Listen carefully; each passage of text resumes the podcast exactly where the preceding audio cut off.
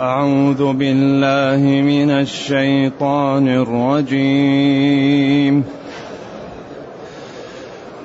قال رب السجن أحب إلي مما يدعونني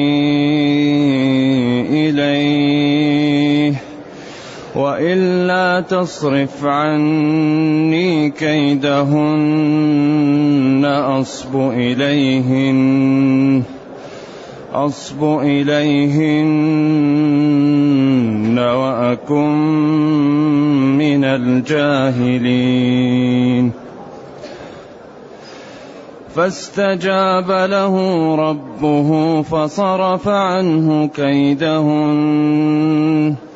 إنه هو السميع العليم. ثم بدا لهم من بعد ما رأوا الآيات ليسجننه ليسجننه حتى حين ودخل معه السجن فتيان قال أحدهما إني أراني أعصر خمرا وقال الآخر إني أراني أحمل فوق رأسي خبزا. إني أراني أحمل فوق رأسي خبزا تأكل الطير منه. نبئنا بتأويله. إنا نراك من المحسنين. قال لا يأتيكما طعام ترزقانه إلا نبأتكما بتأويله إلا نبأتكما بتأويله قبل أن يأتيكما. ذلكما مما علمني ربي إني تركت ملة قوم لا يؤمنون بالله لا يؤمنون بالله وهم بالآخرة هم كافرون. واتبعت ملة آبائي إبراهيم وإسحاق ويعقوب. ما كان لنا أن نشرك بالله من شيء. ذلك من فضل الله علينا وعلى الناس ولكن أكثر الناس لا يشكرون. يا صاحبي السجن أأرباب متفرقون خير. أأرباب متفرقون خير أم الله الواحد القهار؟ ما تعبدون من دونه إلا أسماء إلا أسماء. سميتموها أنتم وآباؤكم سميتموها أنتم وآباؤكم ما أنزل الله بها من سلطان إن الحكم إلا لله أمر ألا تعبدوا إلا إياه. ذلك الدين القيم ولكن أكثر الناس لا يعلمون. يا صاحبي السجن أما أحدكما فيسقي ربه خمرا وأما الآخر فيصلب فتأكل الطير من رأسه. قضي الأمر الذي فيه تستفتيان. أحسنت. الحمد لله الذي أنزل إلينا أشمل كتاب وأرسل إلينا أفضل الرسل وجعلنا خير أمة أخرجت للناس. فله الحمد وله الشكر على هذه النعم العظيمة والآلاء الجسيمة والصلاة والسلام على خير خلق الله وعلى آله وأصحابه ومن اهتدى بهداه. ما بعد فإن الله تعالى يبين في هذه الآيات ما حصل بين يوسف وبين العزيز وماذا فعلوا معه وكيف الله نجاه وكيف إن يوسف لم يمنعه السجن من الدعوة إلى الله وبيان توحيد الله والتحذير من الشرك ومن عبادة الأصنام. يقول ربي السجن ربي السجن. يا ربي السجن أحب إلي مما يدعونني إليه. هذه النسوة أريد أن نسجن ولا نقع فيما يدعونني إليه. لأنهم كما قلنا حاشا لله ما هذا بشرا. إن هذا إلا ملك كريم. قالت فذلكن الذي لمتنني فيه. لما رأت أن المكيدة وصلت بدأت تبوح بحقيقتها. امرأة العزيز تراود فتاها عن نفسه قد صرفها حبا. بعدين دعتهم وخرجت يوسف عليهن فقلنا حاشا لله. معاذ الله. ما هذا بشر؟ إن هذا إلا ملك كريم. فهنا اطمأنت قالت فذلكن الذي لمتنني فيه. وبدأت تبوح بالحقيقة. ولقد راودته عن نفسه فاستعصم. امتنع. ولئن لم يفعل ما آمره ليسجنن وليكونن من الصاغرين. هذه نون التوكيد الخفيفة تبدل الفا يكون وأبدلنها بعد وقف ألفا وقفا كما تقول في قفا قفا.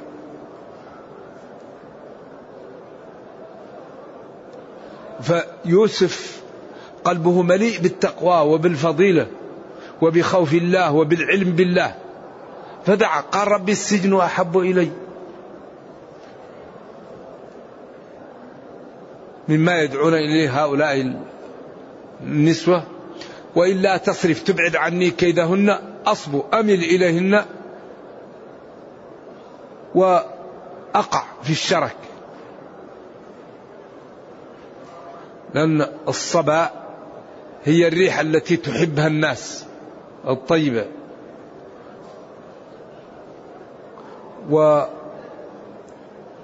والصب هو الميل والخروج عن شيء إلى شيء.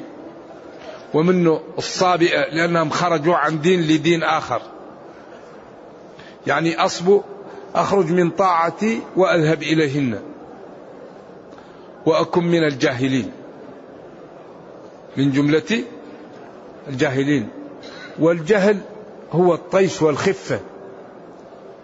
وعدم إدراك الأمور على ما هي عليه. فاستجاب فأجابه ربه. استجاب بمعنى أجاب. فصرف فأبعد عنه كيدهن ولكن بدخول السجن. إنه جل وعلا هو لا غيره السميع لأقوال خلقه العليم بنياتهم.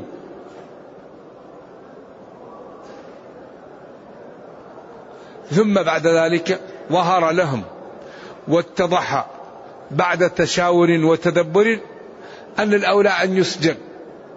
سترا على المرأة وتخفيفا للأمر و لأن لا حيلة لهم إلا يسجنه لأنه هو ظهر لهم براءته.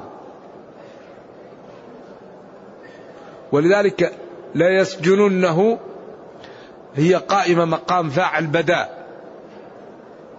بدا لهم البداء أو بدا لهم السجن أن يسجنوه. لا يسجننه كأنها جملة واقعة في محل الفاعل أو محذوف دل على دلت على الفاعل على الأقوال في الإعراب. بدا لهم ذلك لأنهم رأوا أنه على حق وأنه مظلوم.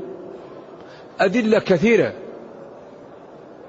من أوضحها شهد شاهد من أهلها.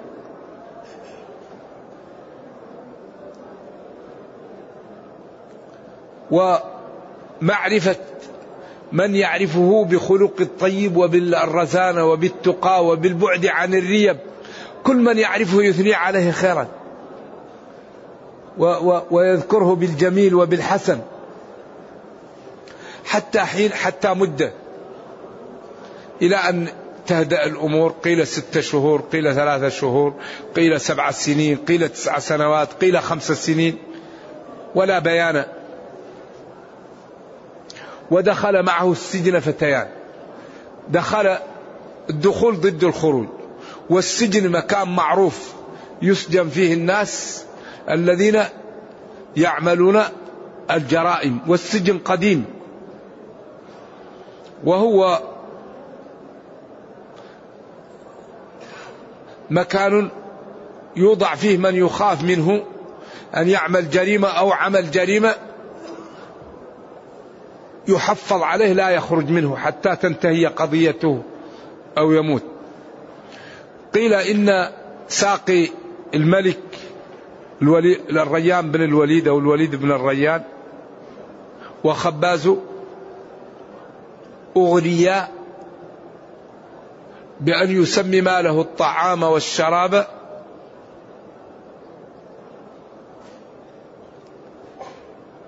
ثم إن صاحب الشراب خاف وأخبر الملك بأنه لا يأكل الطعام ذلك اليوم. وجاءه أيضا صاحب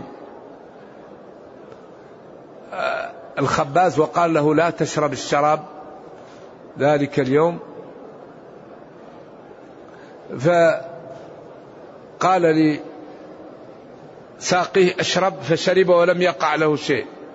وقال للخباز كل فامتنع من الأكل. فأتى بحيوان وأكلهما الطعام فمات. فسجنهما وكان بداية سجنهما يوم دخول يوسف للسجن. لذلك قالوا ودخل معه السجن فتيان. والفتاة تقال للعبد أو للخادم. فيوسف أخبرهم أنه عنده تعبير رؤى أو رأوا من سمته أو فضله أنه حري بأن يستفيدوا منه لما رأوا من علمه وفضله وكل إناء بالذي فيه ينضح. ودخل معه السجن فتيان. قال أحدهما إني أراني أعصر خمرا هذا الساقي.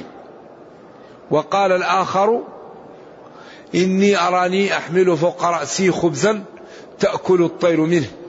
نبئنا بتأويله إنا نراك من المحسنين. إنا نراك ممن يحسن تعبير الرؤى أو من أصحاب الفضل أو من أصحاب الهيئة. هنا يوسف رضي الله عنه وصلى وسلم على نبينا اغتنم هذه الفرصة. فقال لهم لا يأتيكما طعام ترزقانه تطعمانه إلا نبأتكما أخبرتكما بحقيقة ذلك الطعام قبل أن يأتيكما. إذا هو أراد أن يعطيهم جرعة أنه رجل ينزل عليه الوحي وأنه نبي وأنه ليس كالأفراد العاديين. هذا مقدمة لما سيأتي بعد هذا. لما قالوا له الرؤيا قال لهم أولا لا يأتيكما طعام ترزقان تأكلانه. إلا أخبرتكما بحقيقة ذلك الطعام قبل أن يأتيكما. بعدين بين لهم ذلكما مما علمني ربي. هذا وحي من الله لا دخل لي فيه. ثم بدأ بالنتيجة وبما وهذه المقدمة يريد منها ما يأتي بعدها. إني تركت ملة قوم لا يؤمنون بالله وهم بالآخرة هم كافرون.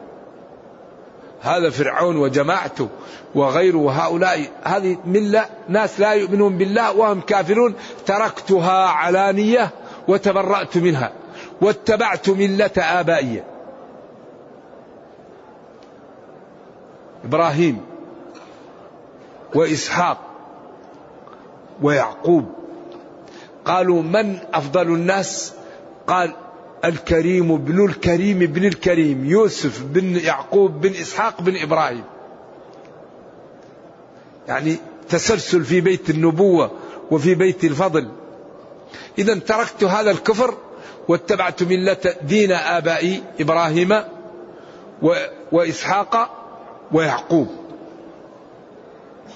ما كان لنا ما صح لنا وما استقام لنا أن نشرك بالله من شيء. ذلك التوحيد وتلك الاستقامة من فضل الله علينا. وعلى الناس حيث أرسلنا الله لهم لإنقاذهم. ولكن أكثر الناس لا يشكرون. لا يعلمون النعم التي تعطى لهم. بل يكفرونها ويكذبون بها ويجحدونها عياذا بالله. ثم بدأ يدعوهم يا صاحبي السجن الخباز والساقي. أأرباب متفرقون خير أم الله الواحد القهار؟ أرباب متفرقون. رب للظلام رب للنور هذا عنده رب وهذا عنده رب وهذا عنده صنم. خير أم الله؟ المعبود بحق الواحد القهار. أمره إذا أراد شيئا أن يقول له كن فيكون. لذلك يستحيل عقلا أن يكون للكون إلا رب واحد. يستحيل. لأن لو كان في الكون أرباب لفسد الكون. هذا يأتي بالظلام هذا يأتي بالنور. هذا يأتي بالقط بالقحط هذا يأتي بالخصب لو كان فيهما آلهة إلا الله لفسدتا. ما اتخذ الله من ولد. وما كان معه من إله. إذا لذهب كل إله بما خلق ولا على بعضهم على بعض. سبحان الله عما يصفون.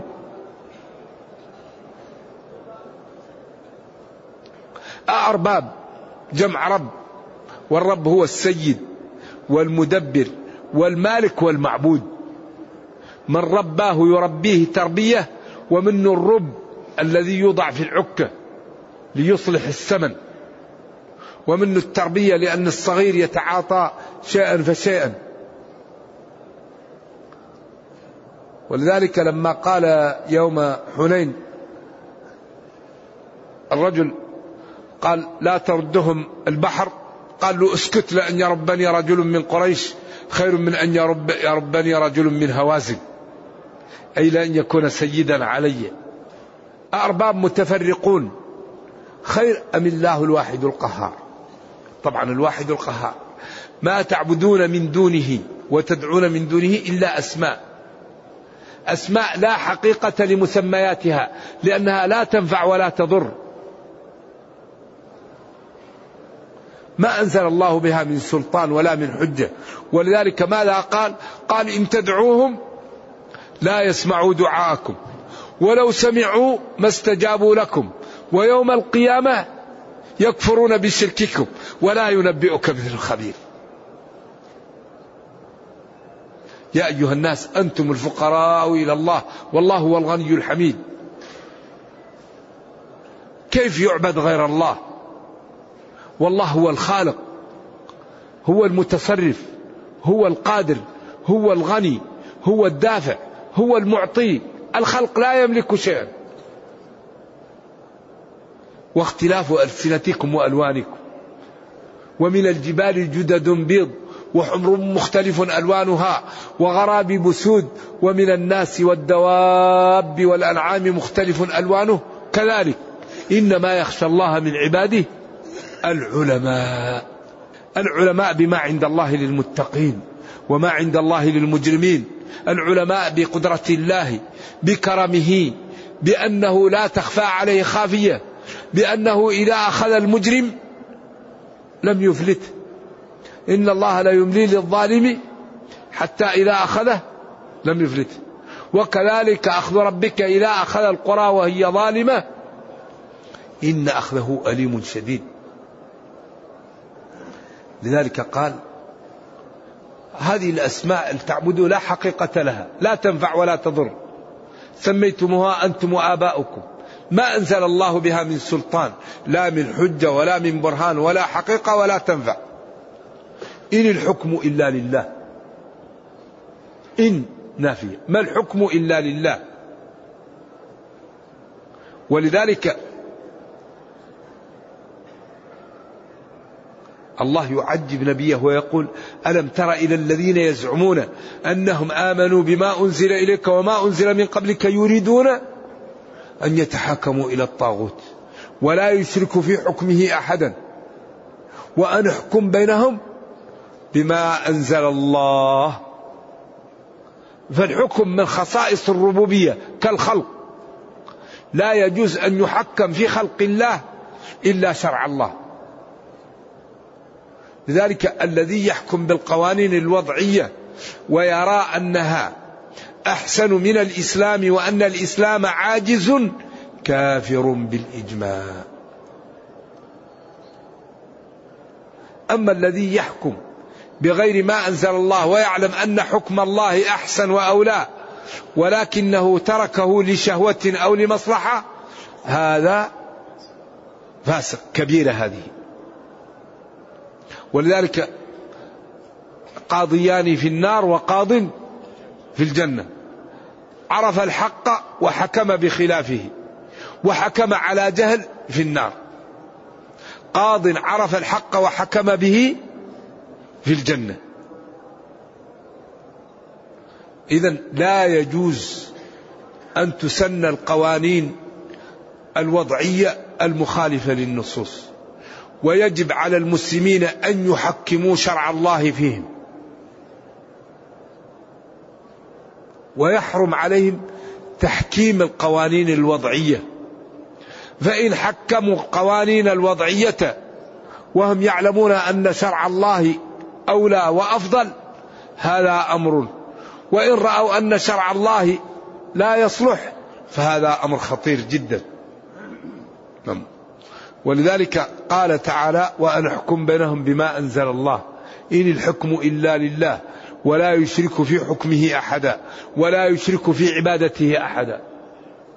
فحري بالمسلمين أن يحكموا شرع الله في أمورهم وفي جميع ما يحدث لهم ويبشروا بعد ذلك بما أرادوا لأن شرع الله هو الذي يحل مشاكل الناس.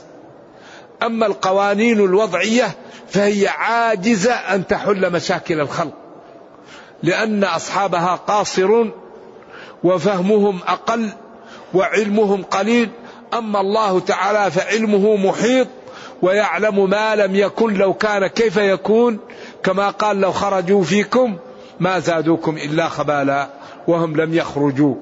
أما أحكام الله فهي التي تحل مشاكل الناس وهي التي تأتي بالعدالة وبالخير وبالفلاح وبالطمأنينة وبالعزة. أما الأحكام الوضعية فهي تأتي للناس بمخالفة الله وبمعصيته وتلك أسباب الشؤم. كل مشكلة سببها المعاصي. ظهر الفساد في البر والبحر بما كسبت أيدي الناس. إذا ما تعبدون من دونه من دون الله إلا أسماء. سميتموها أنتم وآباؤكم. اللات العزى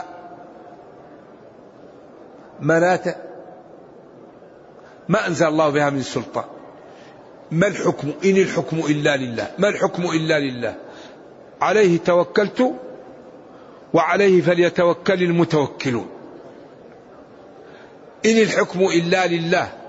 ما الحكم إلا الله أمر. أن لا تعبدوا إلا إياه. أمر بأن لا تعبدوا غيره وأن توحدوه بالعبادة. وهذا الأمر للوجوب ولذلك أول أمر في المصحف اعبدوا ربكم. وأغلب القرآن اعبدوا الله.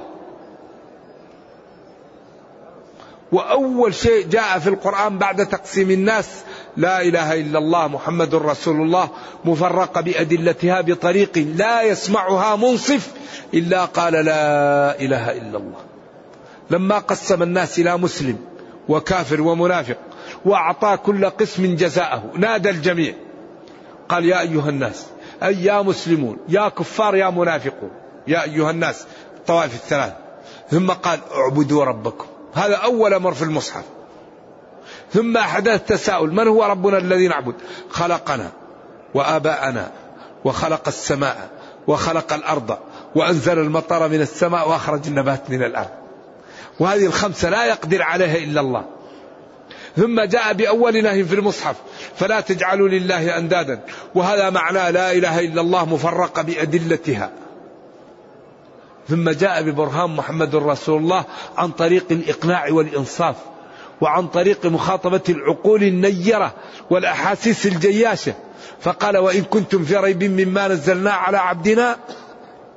ما قال فقد كفرتم فأتوا بسورة واحدة من مثله وادعوا من استطعتم من الخلق من دون الله. إن كنتم صادقين فيما تقولون فأتوا بمثله.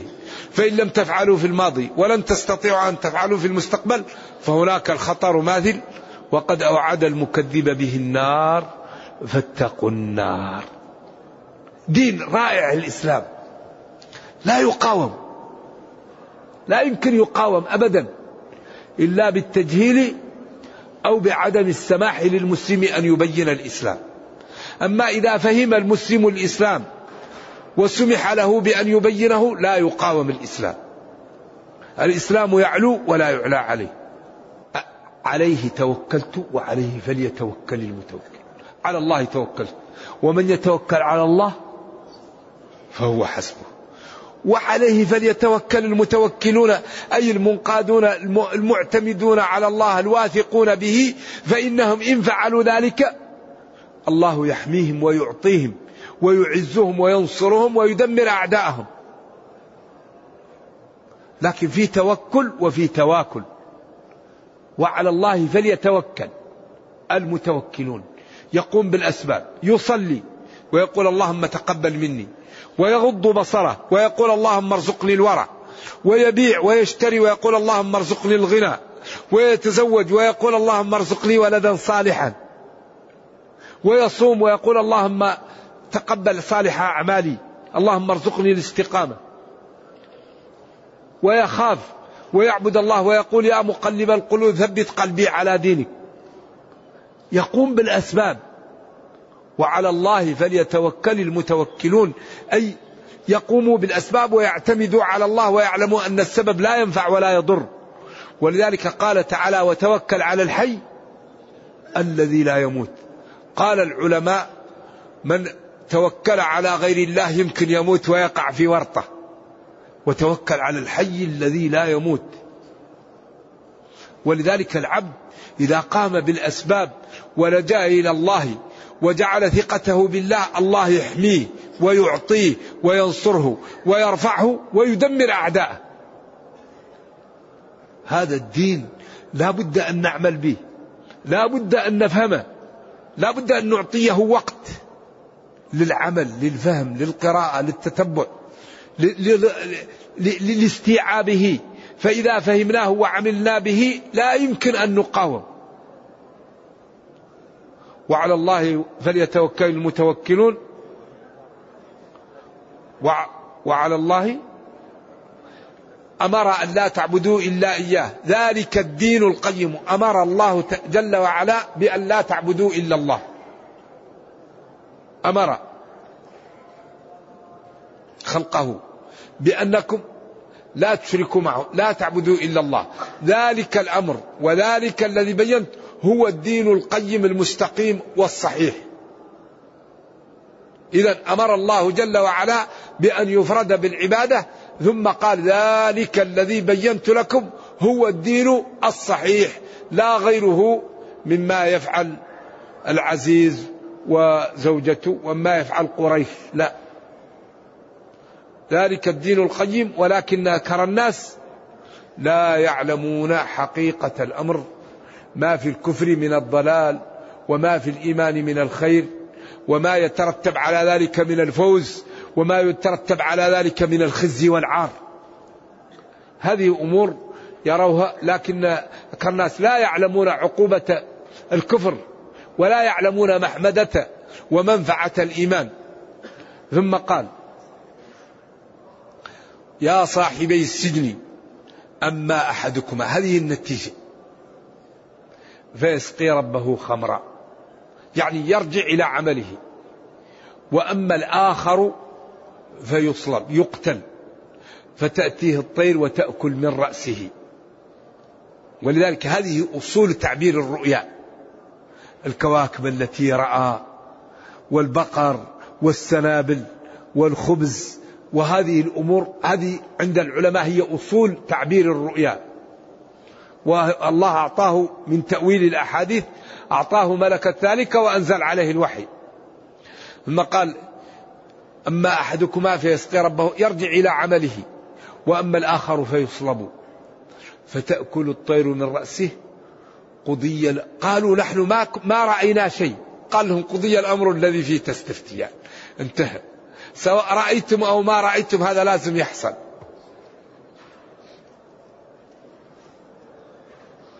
ولذلك هذه القصة الحقيقة مليئة بالعبر وبالأحكام وبلطف الله بخلقه وبأن من يتقي الله العاقبة له. فنجتهد في أن نتقي ربنا. نجتهد في الطاعة لأن الإنسان إذا جاهد الدين الله يهديه. والذين جاهدوا فينا والدنيا تعطيك ما تعطيه. الذي يجتهد لن يضيعه الله. إن الله لا يضيع أجر من أحسن عملا. ولا ينصرن الله من ينصره. فلنجتهد في طاعة الله. ولا نجعل المال والأولاد فوق الدين. لأن هذا لا يصح. إنما أموالكم وأولادكم والله عنده أجر عظيم. فنجعل المال والولد تحت والدين فوق. والذي يشتغل لدينه لدينه الله يبارك له في ماله وولده وعمره ويجعل له الذكر الحسن ولن يضيعه الله. فلنعمل لديننا في ضوء ديننا. نعمل للدين في ضوء الدين ونرفق وما أردناه الله يعطينا إياه. نرجو الله جل وعلا أن يرينا الحق حقا. ويرزقنا اتباعه وأن يرينا الباطل باطلا ويرزقنا اجتنابه وأن لا يجعل الأمر ملتبسا علينا فنضل. سبحان ربك رب العزة عما يصفون وسلام على المرسلين والحمد لله رب العالمين وصلى الله وسلم وبارك على نبينا محمد وعلى آله وصحبه والسلام عليكم ورحمة الله وبركاته. إلى اليوم كثيرة كيف يدعو الإنسان بالبلاء كدعاء يوسف على نفسه بالسجن؟ هل يجوز ذلك؟ لا يسأل العبد العافية. يوسف لهول الموقف. قال ولئن لم يفعل ما آمره ليسجنن. فهو قال ربي السجن أحب إلي. مما يدعونني إليه. ما قال ادخلني السجن. قال أنا أحب أن نسجن ولا أفعل هذا.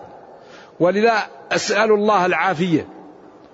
نعم أسأل الله العافية. وإن كان ولا قال يقول اللهم أحيني. ما كانت الحياة خيرا لي وأمتني. ما كان إذا كان ولا بد. ولكن المسلم كل ما طال عمره يذكر الله. يتوب يصلي. خيركم من طال عمره وحسن عمله. الذي يعيش شهر تجد عمله أكثر من اللي مات قبله ولو بشهر. لأن شهر كم فيه من صلاة ومن استغفار ومن ذكر الله. لذلك المسلم ينبغي أن يغتنم الفرص ويسأل الله العافية دائما. قوله تعالى يخرج الحي من الميت ومخرج الميت. ما الفرق بين يخرج ومخرج؟ مخرج دل على الثبوت ويخرج دل على التجدد. لأن التعبير بالاسم يدل على الثبوت والتعبير بالفعل يدل على التجدد وهذا من جمال أسلوب القرآن وبلاغته أنه يأتي بالأساليب متنوعة حتى من سمعه دائما يكون مشدودا ولا يتغافل عنه. نعم. والحي قيل الدجاجة والميت قيل البيضة والحي قيل المسلم. والميت قيل الكافر والحي قيل الإنسان والميت قيل النطفة. نعم. كل هذا قيل. نعم. يقول عندي سؤال عن التأشير في التشهد الأول والأخير في الصلاة وكيفية أخذنا. النبي صلى الله عليه وسلم ورد عنه في السنن في الترمذي أنه كان يحرك أصبعه يحرك. وهذا التحريك منهم من يرفعه ومنهم من يعمل هكذا. ومنهم من يعمل له هكذا. ويحرك وكل تحريك. ولا أعرف سنة بينت كيفية التحريك. فمنهم من يعمل هكذا. ومنهم من يسوي هكذا. ومنهم من يعمل هكذا. وكل تحريك.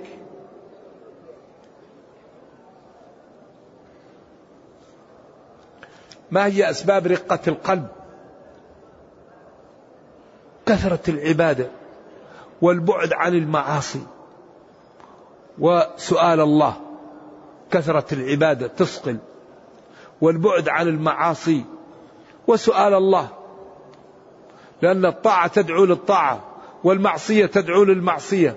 والله يقول ادعوني أستجب لكم. فالذي يكثر الطاعة يرق قلبه لا يزال لسانك رطبا من ذكر الله. ما فيه مثل ذكر الله. اذكروا الله ذكرا كثيرا. والذين قياما وقعودا. رجال لا تلهيهم تجارة ولا بيع عن ذكر الله. ما في شيء كثر للحسنات من ذكر الله. أحب الكلام إلى الله أربع. سبحان الله والحمد لله ولا إله إلا الله. الله أكبر.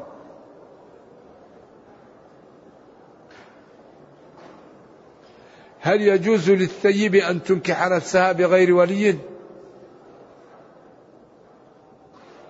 هل يقال للرسول رضي الثيب لا تنكح نفسها. والمرأة لا بد لها من ولي لا نكاح إلا بولي. هذا عليه العمل هذا الحديث. وإن كان فيه شيء لا لا نكاح إلا بولي. فإذا كانت المرأة غير شريفة دنيئة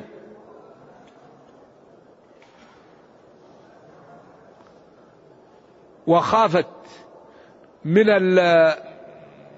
يعني قد يليها الحاكم القاضي أو جماعة المسلمين. إذا كانت ستقع في الفاحشة غير. يمكن يلوها يليها البعيد. أما الشريفة ما عندها مشكلة لا بد من الولي. لكن مع أن المرأة لا بد لها من ولي فإن عضلها وليها فلها أن تذهب إلى القاضي ويزوجها ولو لم يرد وليها.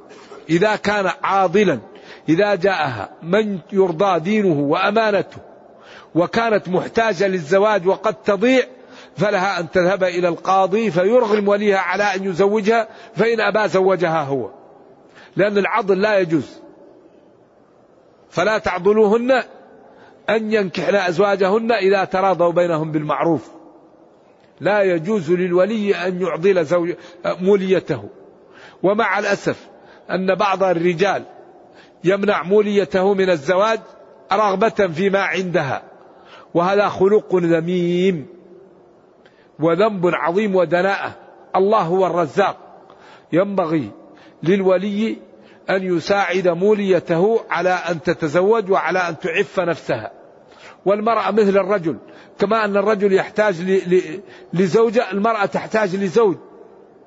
نعم آه، ولذلك ولهن مثل الذي نعم الله جعل لك القوامة لكن حرم عليك الظلم وإذا ظلمت السلطة تمنعك من ذلك. يقول هل للمعصية الشؤم على الزوج والولد أرجو توضيح ذلك؟ نعم المعصية تكون كان الصحابة إذا أخطأ أحدهم يقول أعرف معصيتي في خلق دابتي وزوجي وفي بيتي. لأنهم عندهم شفافية عندهم إيمان عندهم صقل قال الواحد إذا عمل معصية يؤخذ بها في الحال. أقول أجدها في خلق دابتي. أجد زوجي تتغير علي ولدي أعمالي. المعصية تأتي بكل شيء والطاعة تأتي بكل خير. لا يوجد شيء أضر من المعاصي. والذي يتعاطى المعاصي مثل الذي يشرب السم. الذي يشرب السم ما يمرض؟ المعاصي تمرض الإيمان تقسي القلب تجعلك ثقيل على الجماعة ثقيل عندك الصوم ثقيل عندك قراءة القرآن ثقيل عندك قيام الليل ثقيل عندك بذل مالك. المعاصي تعوقك. إذا أطعت الله تجد يعني سهل عندك الصوم سهل عندك العبادة سهل عندك البذل. لأن الطاعة تدعو للطاعة. المعاصي تعوق الإنسان. لذلك لا يوجد شيء أشأم من المعاصي. نظرة تسبب لك مشاكل. كلمة سمع. لذلك وجعل لكم السمع والأبصار والأفئدة لعلكم تشكرون. لاحظوا قول الله والله أخرجكم من بطون أمهاتكم لا تعلمون شيئا وجعل لكم السمع والأبصار والأفئدة لعلكم تشكرون. أعطاكم موارد العلم لشكر الله. تنظر في المصحف تقرأ القرآن تسمع تدبر. كيف ننقذ نفسي؟ كيف ننقذ والدي وجيراني؟ كيف نعمل لي مشروع ينفعني بعد أن نضع في القبر؟ كيف نترك لي بصمات؟ لديني ولأمتي قبل أن ننتقل من هذه الدنيا. جاء أعطانا موارد العلم لنشكر الله. ما هو لتكون سبب للمعاصي؟ قوله تعالى كيف تفسير قول تعالى المال والبنون زينة الحياة الدنيا. وقوله تعالى في آية أخرى إنما أموالكم وأولادكم فتنة. الزينة هي الفتنة الابتلاء. الفتنة تقال للاختبار. المال والبنون زينة. الزينة هي الفتنة. جمال. فالذي يشكر الله ويعطي حق المال والأولاد والأهل إذا قالوا له افعل معاصي يقول لهم لا وكلا. يكون هذا سبب معاه في الجنة. والذين آمنوا واتبعتهم ذريتهم بإيمان الحقناهم بهم وما ألتناهم من عملهم من شيء. إنما أموالكم وأولادكم فتنة اختبار. بعدين قال والله عنده أجر عظيم. قال إن من إن من أزواجكم وأولادكم عدوا لكم فاحذروهم. وإن تعفوا وتصفحوا وتغفروا فإن الله غفور رحيم. يا سلام. دين رائع. دين الغفران دين الرحمة دين النزاهة دين العدالة دين الإيثار دين الرفق دين الشجاعة دين الإخلاص دين الإيثار. ما رأيت أجمل من هذا الدين. فحري بنا أن نعطيه الوقت. لا بد أن نعطي وقتا لهذا الكتاب ولهذه السنة حتى نستنير وتكون حياتنا على بصيرة. يقول اسم الإشارة يعمل في الجملة السابقة أم اللاحقة اسم الإشارة اسم جامد أصلا. مبني من المبنيات لأنه كان ينبغي أن يضع, يضع له حرف ولم يضع له. وتعلمون أن البناء كله للشبه المدني وأقسام البناء ستة. فاسم الإشارة مبني ولكن هو أحيانا فيه معنى في معنى الاشتقاق لأنه آه، اسم الإشارة فيه معنى أشير. أيوة ولكن ما فهمت السؤال. يعمل في الجملة السابقة واللاحقة ذلك الكتاب لا ريب فيه. ذلك يكون مبتدأ وتقول الكتاب ذلك يكون مبتدأ وخبر. الأمر ما ما اتضح عندي السؤال. هل يجوز سماع محاضرة لشخص في محاضراته بعض الأخطاء الفادحة؟ يا إخوتي أي إنسان يقول حق نقبله منه وأي إنسان يقول خطأ نرده عليه. في رجل مؤلف اسمه الزمخشري وله تفسير اسمه الكشاف. وهذا الرجل معروف أنه غفر الله لنا ولجميع المسلمين معتزلي. ويصرح في كتابه بأمور معتزلية خطيرة جدا. ولم يحرق المسلمون الكشاف. وإنما أخذوا ما فيه من الأساليب الرفيعة وردوا ما فيه من الاعتزال ولا زال موجود الآن. كم من إنسان ينقل منه ما فيه من الحق وكم من إنسان يرد ما فيه من الباطل. إذا إذا قيل الحق نقبله وإذا قيل الباطل نرد ولا نكون دائما نبين هذا. وإذا كان الإنسان على غير علم ولا غير فهم يكتفي بالسماع ممن يثق به. إذا كان إنسان غير متعلم يقرأ في كتاب البغوي للتفسير أو يقع في كتاب الحافظ بن كثير أو كتاب الطبري جامع بيان العلم جامع البيان في في تفسير القرآن. نعم إذا كان الإنسان غير متعلم فليأخذ الكتب السليمة. وإذا كان الإنسان متعلما فليقرأ ما أراه من حق قبله وما أراه من خطأ رده وبين للناس أن هذا خطأ. وبعدين لا يسلم من الخطأ إلا من لا يقرأ. كلكم خطاؤون وخير الخطائين توابون. وإذا كان كل كتاب فيه خطأ لا نقرأ فيه لا يبقى عندنا إلا المصحف. ما في أحد يتكلم إلا لازم يخطئ. الشافعي لما عمل الرسالة أصلح فيها ثم أصلح فيها ثم أصلح فيها ثم قال أتعبت نفسي. لو تأملت لما فعلت لأن الله قال ولو كان من عند غير الله.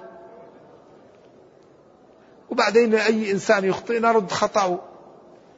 وينبغي أيضا أنك لأنه أحيانا الواحد يقول إنسان أخطأ وهو ما أخطأ. نعم. وما في واحد يخطأ خطأ فادح ويسمح له بحاضر والحمد لله. لأن الذي أخطأ فادحة لا يسمح له.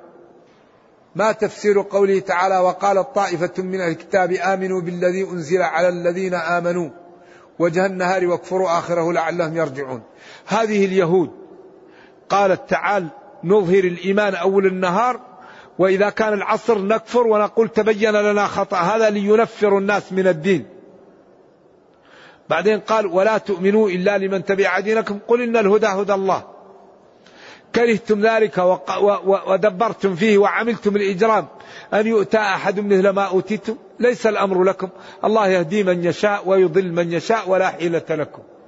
إذا هذا عيب على اليهود وبيان لمكيدتهم وضلالهم. إذا صليت السنة بدون وضوء ناسيا هل يجب علي إعادة الصلاة؟ أي صلاة بدون وضوء لا تقبل. ما هي زي مختلفوا في الطهارة.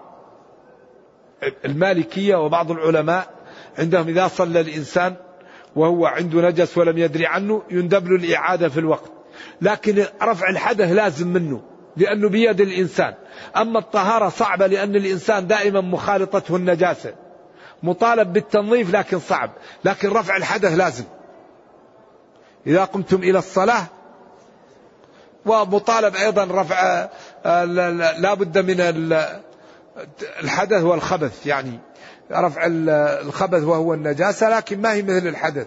لا بد من يعيد والنافلة لا يلزم إعادتها تصلي نافلة أخرى وهو الذي جعل الليل والنهار خلفة لمن أراد أن يذكر. عملك في الليل صلي في النهار. عملك في النهار صلي في الليل. أي وقت ما استطيع أن تصلي إذا أفضيت صلي استغفر اقرأ تب اذكر الله.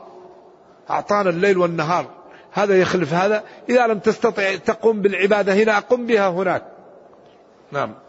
والنوافل لا تعاد أي نافلة تقوم بها لأنها ما هي لازمة. رجل قال لي بلغ سلامي للرسول صلى الله عليه وسلم. أنا لا أعرف هذا. لا أعرف أنه ولأن النبي صلى الله عليه وسلم يقول ما من مسلم يسلم علي في أي محل إلا رد الله روحي وأسلم عليه. فلا داعي لأن يرسل الملائكة تبلغه. هل يجوز التيمم على الحجر ومن فقد الماء والتراب ماذا يفعل؟ يا سلام. اختلف العلماء في التيمم على الحجر. فالشافعي وأحمد يقول لا يتيمم إلا على التراب التراب المنبت الذي فيه طين غبار. وأبو حنيفة ومالك قالوا كل ما على الأرض يتيمم عليه وسبب الخلاف من في قوله تعالى فامسحوا بوجوهكم وأيديكم منه. فالشافعي وأحمد قالوا من هنا للتبعيض. وجعلت تربتها لنا طهورا. فلا يتيمم إلا على الصعيد المنبت وهو الغبار. وأبو حنيفة ومالك قالوا من لابتداء الغاية. ورشحوا ذلك بقوله ما يريد الله ليجعل عليكم. إذا كان إنسان في سلسلة جبال ولا توجد غبار منبت ولا شيء يمسح على ما وجد الصعيد هو ما على الأرض وهذا القول له أدلة وهذا القول له أدلة وكل سهل والجنة أبوابها ثمانية والإنسان يأخذ ما يترجح ويرفق بالمخالف. وإن كان التيمم على الصعيد المنبت أحوط. لأن هذا عليه إجماع والثاني فيه خلاف.